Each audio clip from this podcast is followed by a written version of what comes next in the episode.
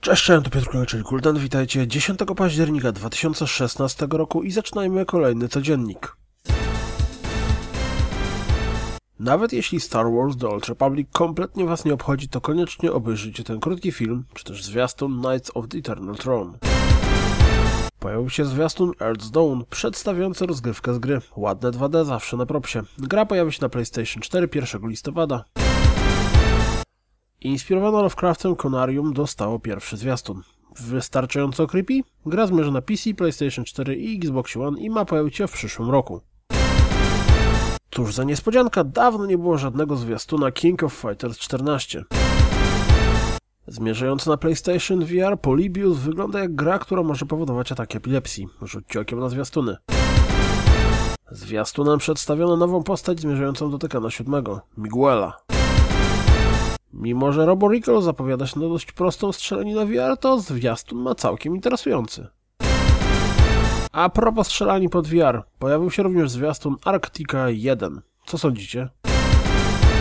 Pojawił się też zwiastun prezentujący rozgrywkę z Beholdera. Jeśli gra wydaje wam się interesująca, to możecie sprawdzić jej demko.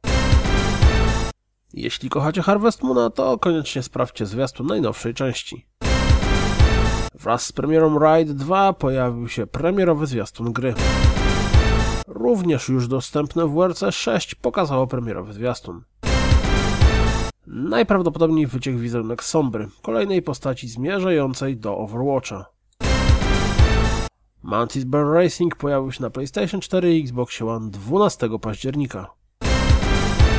Na konferencji w trakcie Oculus Connect 3 Mark Zuckerberg zapowiedział, że w produkcję oprogramowania związanego z VR zostanie zainwestowane kolejne 250 milionów dolarów. O proszę, i Valkyria będzie obsługiwał crossplay między PC a PlayStation 4. Pamiętacie ataki ze strony tzw. Tak Lizard Squad? Chociażby wyłączenie PSN-u Xbox Live w poprzednie święta? Dwóch 19-latków odpowiedzialnych za te działania zostało aresztowanych. Jeden był Amerykaninem, drugi Duńczykiem. Jeszcze w tym roku jej akces zostanie rozszerzony o EA Sports UFC 2, Mirror's Edge Catalyst i Star Wars Battlefront. W nowym dzienniku deweloperskim Rigs Mechanist Combat League twórcy opowiadają o swoich staraniach, aby gra nie była tylko szybko nudzącym się bajerem.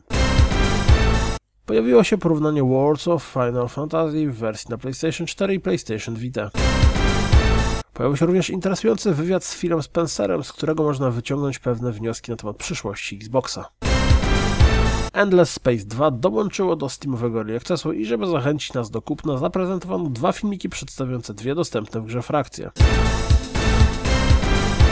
To wszystko na dziś, jak zawsze. Dziękuję za słuchanie, jak zawsze zapraszam na www.rozgrywkapodcast.pl Jeśli doceniacie to, co robię, to wspomóżcie mnie na Patronite i mam nadzieję słyszymy się jutro. Trzymajcie się, cześć!